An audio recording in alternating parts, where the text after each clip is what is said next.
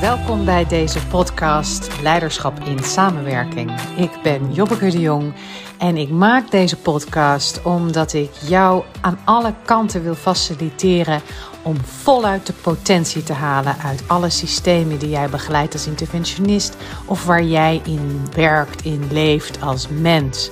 Met deze podcast hoop ik je allerlei invalshoeken, perspectieven, verhalen, gebeurtenissen, theoretische inzichten, alles aan te reiken om je dagdagelijks te helpen zo naar systemen te kijken dat je ook weet wat je moet doen om er het beste uit te halen. Hey hallo en welkom bij de podcast Leiderschap in Samenwerking. Je zou de aflevering van deze week kunnen zien als een soort sequel op de aflevering over veiligheid en vertrouwen. Volgens mij is dat uh, podcast 32. En uh, ik wil daar deze week wat verder op doorbouwen, maar dan met de specifieke focus intimiteit. Uh, dus ik wil het hebben over intimiteit. Ik moet zo lachen, want ik moest mezelf echt inhouden om deze podcast niet te beginnen met: Hey, mooie ziel. En uh, dan doe ik zo'n, ik weet niet hoe ze heet. Je hebt zo'n vrouw op TikTok, one of my guilty pleasures, af en toe lekker TikTok bingen. En dan heb je zo'n vrouw en die, die heeft een parodie op van die uh, leefdeven. Die, hey, mooie ziel. Zo, dat hele spirituele. En, um, en ik, ik wilde eigenlijk zo beginnen, omdat het natuurlijk ook een soort duik in intimiteit is. Als ik jou, hey, mooie ziel noem. In a way ga ik een soort intieme relatie met je aan, die we eigenlijk nog helemaal niet hebben. Ik zie al meteen de schoonheid in je en je ziel. Dus het is ook een zinnetje wat, wat heel dichtbij komt. Nou, zij doet het natuurlijk als parodie, maar er zijn genoeg contexten waarin er een versie, daadwerkelijk een versie is van hé, hey, mooie ziel. In de begroeting van elkaar. En eh, ik ben zelf echt super spiritueel.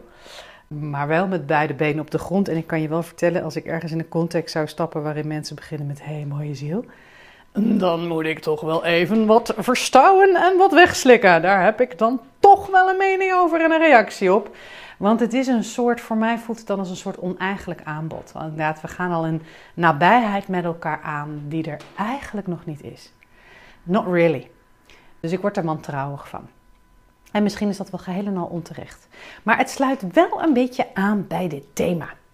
En uh, ik pak nog even terug op mijn eigen ervaring als lid van een groep. Vorige week uh, kwam ik daar ook op terug. Uh, je kan merken, zoiets resoneert nog lang na, levert heel lang weer inzichten op daarna. En dit is een groep die al heel lang bij elkaar is.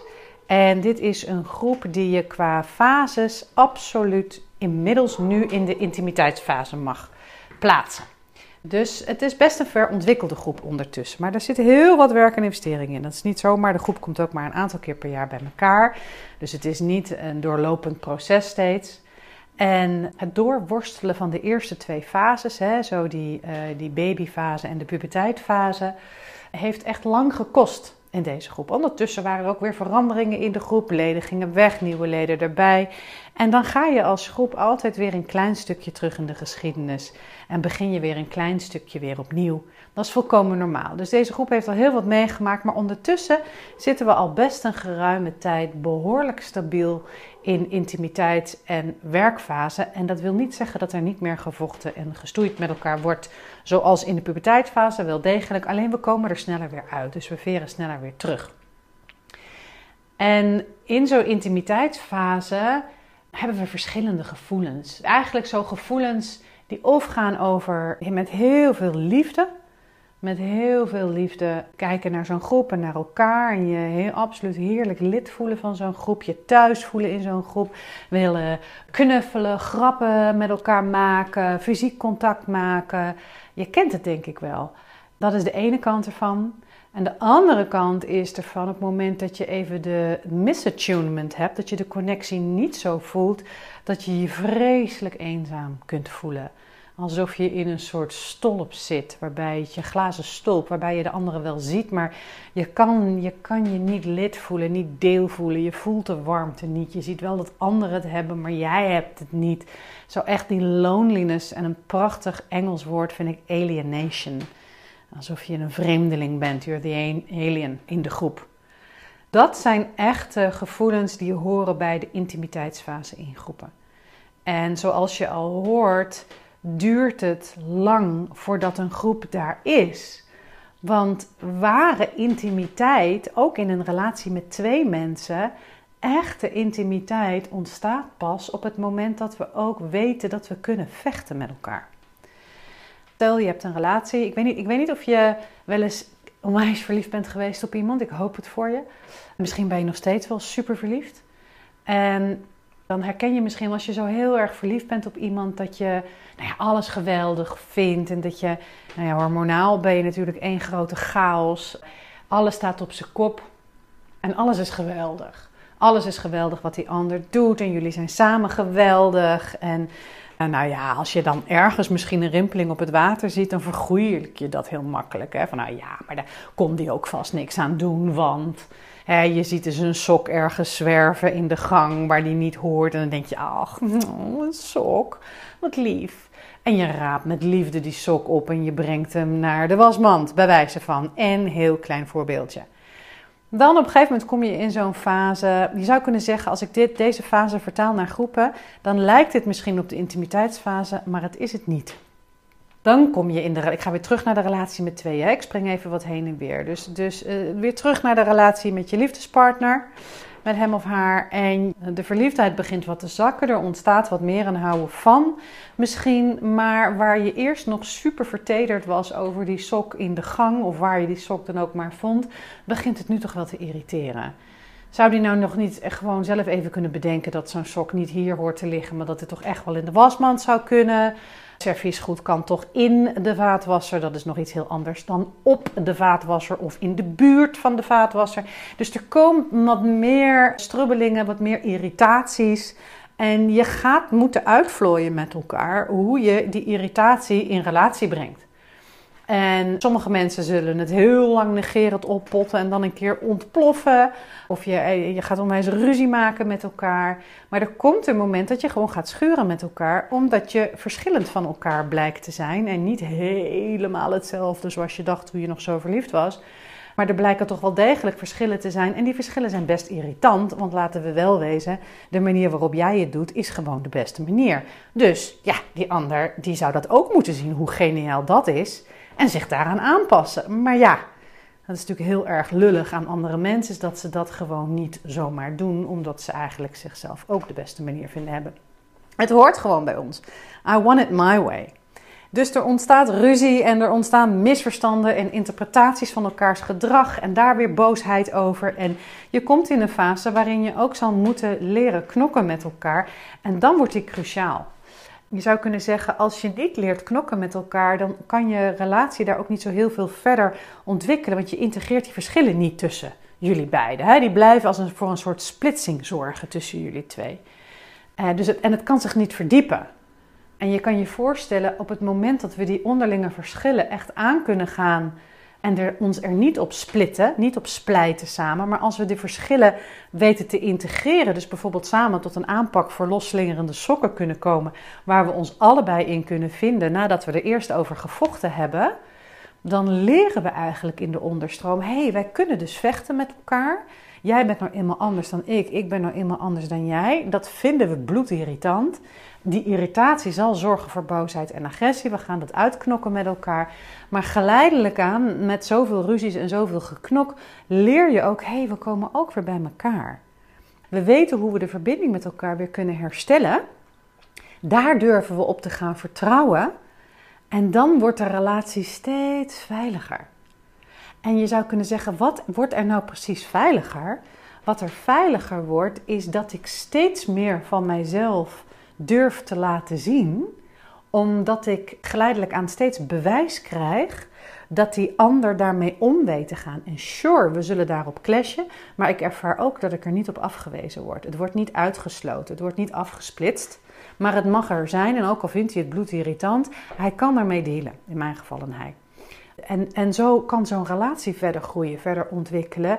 En kom je dus samen, je kan je voorstellen dat de intimiteit die je voelt met elkaar op het moment dat ik weet dat je mij kunt hebben, op het moment dat ik weet dat je mij in alles kan hebben, of ik nou heel kwetsbaar en heel klein en slachtofferig ben, op dat moment. Of juist heel groot en heel krachtig, in welke versie dan ook. En beide kunnen we contact blijven houden of het weer herstellen als het weg is. Dat betekent dat ik helemaal kan ontspannen in die relatie. Kan ik helemaal mezelf zijn met alle facetten van mij. En dat, ik heb het nu steeds over mij, maar het gaat natuurlijk over beide partners. Dus door dat goed leren vechten met elkaar, leren we om steeds meer delen van onszelf in die relatie te brengen. En hoe meer delen we van onszelf in die relatie kunnen brengen en dat samen kunnen containen, hoe veiliger en hoe vitaler onze relatie eigenlijk is. En dan blijft die relatie gewoon net zo doorontwikkelen als de leden in de relatie. Want iedere keer als wij samen ontwikkelen, zal het ook weer effect hebben op de relatie. Of als een van ons twee ontwikkelt, heeft ook effect op de relatie. Dat moeten we iedere keer weer samen bijbenen, als het ware of samen weer integreren. En dat is echte intimiteit. Dat is volkomen ontspannen intimiteit. Dan kan je heel dicht bij elkaar zijn. Als je ook enorm kunt knetteren samen en, en boos kunt zijn op elkaar en dan weer terug bij elkaar komen. Dus je zou, en het is ook grappig, hè? dus de energie van, het is ook misschien weer een aparte podcast, maar misschien wist je dat al, dat de energie van agressie, van boosheid heel dicht bij seksualiteit ligt. Dus bij seksualiteit dan weer heel intimiteit. Dus ook heel boos zijn kunnen samen is eigenlijk ook super kwetsbaar, want je ziet elkaar ja, van zeg maar je minst sociaal wenselijke kant ook in je boosheid. Dus nou dat goed kunnen containen, dan ben je ook heel makkelijk ook weer in intimiteit met elkaar. Of heel makkelijk, misschien moet er wat water onder de brug doorstromen voordat je daar bent. Maar snap je? Nou zo, dit even dus in een partnersysteem. Even een kort intermezzo. Waarschijnlijk heb je deze podcast gevonden op aanraden van iemand die dacht dat hij voor jou waardevol zou zijn. Of misschien wel via de social media. Ik deel met liefde gratis al mijn inzichten, ervaringen, tips in de interventiekunde vanuit mijn persoonlijke drive om met elkaar ons bewustzijn in en over systemen te helpen ontwikkelen. De enige manier waarop deze podcast groeit is als enthousiaste luisteraars anderen op het bestaan van deze podcast te willen attenderen. Ik zou het dan ook echt enorm waarderen als je, wanneer jij ook blij wordt van deze podcast, anderen wilt tippen of hem wilt delen in jouw netwerk. Laten we met elkaar ons bewustzijn vergroten op alles wat er met ons gebeurt in en om groepen en andere systemen. En nu weer terug naar de aflevering. En wat gebeurt er nou heel veel in groepen? Ik had net een, eh, een vrouw, uh, ik was net een vrouw aan het coachen en zij had de aflevering van mij gehoord over veiligheid en vertrouwen. En zij zei: Het was zo'n inzicht. Want ik herkende ineens mezelf dat ik jarenlang zo MT's heb begeleid. We gingen naar de hei. We gingen meteen de diepte en de intimiteit in. Iedereen ging hele, hele ware, kwetsbare informatie over zichzelf, zeg maar, disclosen, uit de doeken doen. En dan hadden we gedurende die twee dagen een fantastisch gevoel. Heel veel intimiteit, heel veel liefde voor elkaar en connectie met elkaar. En het was voor mij als begeleider, zij ze altijd keihard werken, maar ik genoot er ook van, omdat, die, omdat ik zoveel waardering terugkreeg, omdat mensen het natuurlijk zo fijn vonden. Maar zei ze, dan begon het daarna te knagen, want ik herken helemaal dat ik vervolgens geen verschil zag in hoe er met elkaar vergaderd werd. Dus de samenwerking werd er niet beter op, maar we hadden wel twee heerlijke, waardevolle, intieme dagen met elkaar gehad. En ik herken dit, nou ik heb dit zelf ook heel lang zo gedaan, by the way, hè, mensen. Hè, en ook zo geleerd, hè, onder, de, onder alle illusies over veiligheid, waar ik toen nog in geloofde. Dus ik denk dat er een enorme groep is die het zo geleerd heeft en het ook zo doet. Maar ik zie het ook in opleidingen bijvoorbeeld terug. Dus ik ga weer even terug naar, hé, mooie ziel.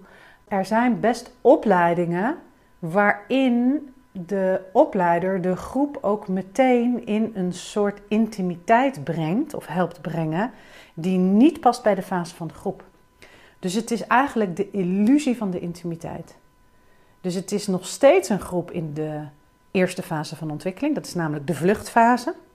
En dat zal je kunnen zien omdat alle resultaatgerichte interactie via de trainer loopt, via de opleider loopt, via de coach loopt. En nog niet in de groep zelf, want het kan een groep zelf helemaal niet. Maar de interacties gaan wel over elkaar fijn vinden, elkaar waarderen, de tranen kunnen waarderen van elkaar, knuffelen, rituelen die intimiteitsverhogend zijn, heel snel hele persoonlijke informatie met elkaar delen. Dus je zit ook in no time, heb je een intimiteit met elkaar. En dit hoeft voor een opleiding helemaal niet erg te zijn. Als het een opleiding is waarin samenwerking met elkaar of de ontwikkeling van de groep als geheel niet belangrijk is, dan kan het heerlijk zijn om in zo'n warm bad te stappen. Een deel van mij heeft er echt van genoten om in dit soort warme baden te stappen en me een soort van thuis te voelen op een manier die ik zeg maar in mijn eigen gezin van herkomst dan niet had, want daar was veel meer strijd. En ik denk dat velen van ons hunkeren naar een groep waarin het wel voelt als een soort lieve, warme familie, waar nooit gedoe is, waar je helemaal geaccepteerd wordt zoals je bent.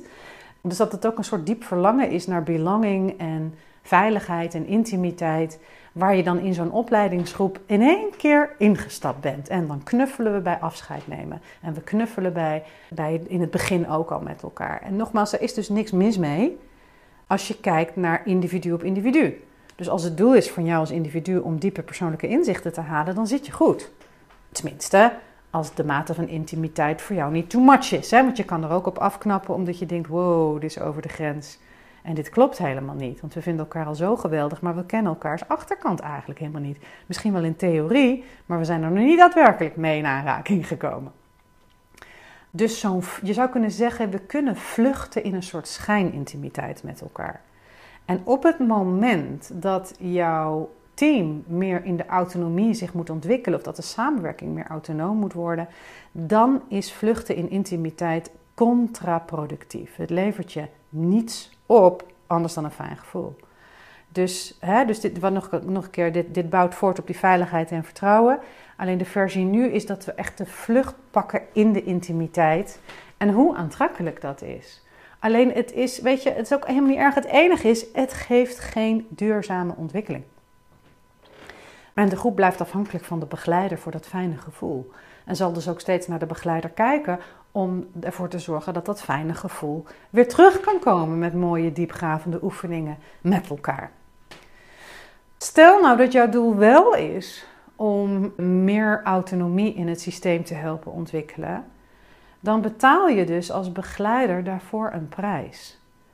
Als jij jezelf niet meer verantwoordelijk maakt voor de intimiteit en om een fijne sfeer te maken met elkaar, maar gewoon nieuwsgierig gaat kijken naar welke sfeer er vanzelf al is, zonder dat te fixen, dan kom je iets meer op afstand.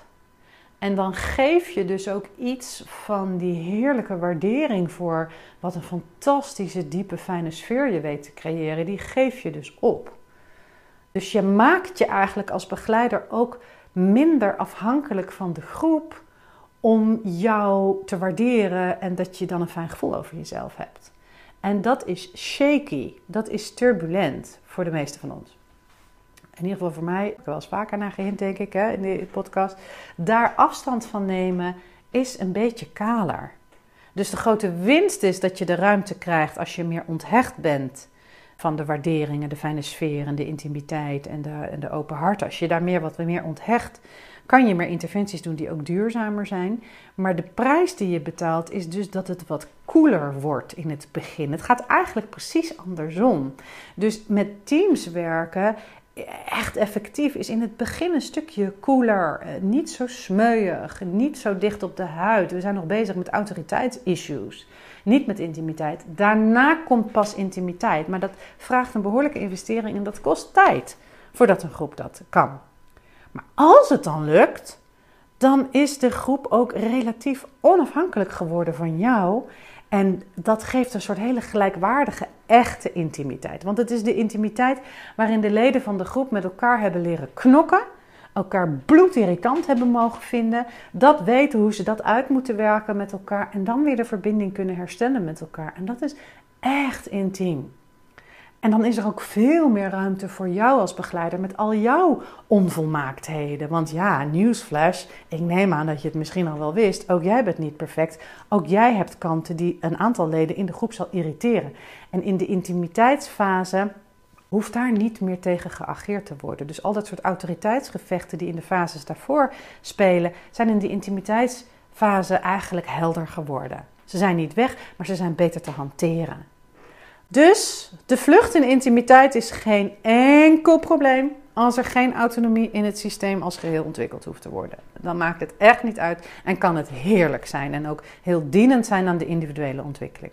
Maar als het doel is dat de collectief zich echt ontwikkelt, dan is de vlucht in intimiteit een contraproductieve eh, beweging van de groep waarmee er eigenlijk niks zal veranderen en zal ontwikkelen.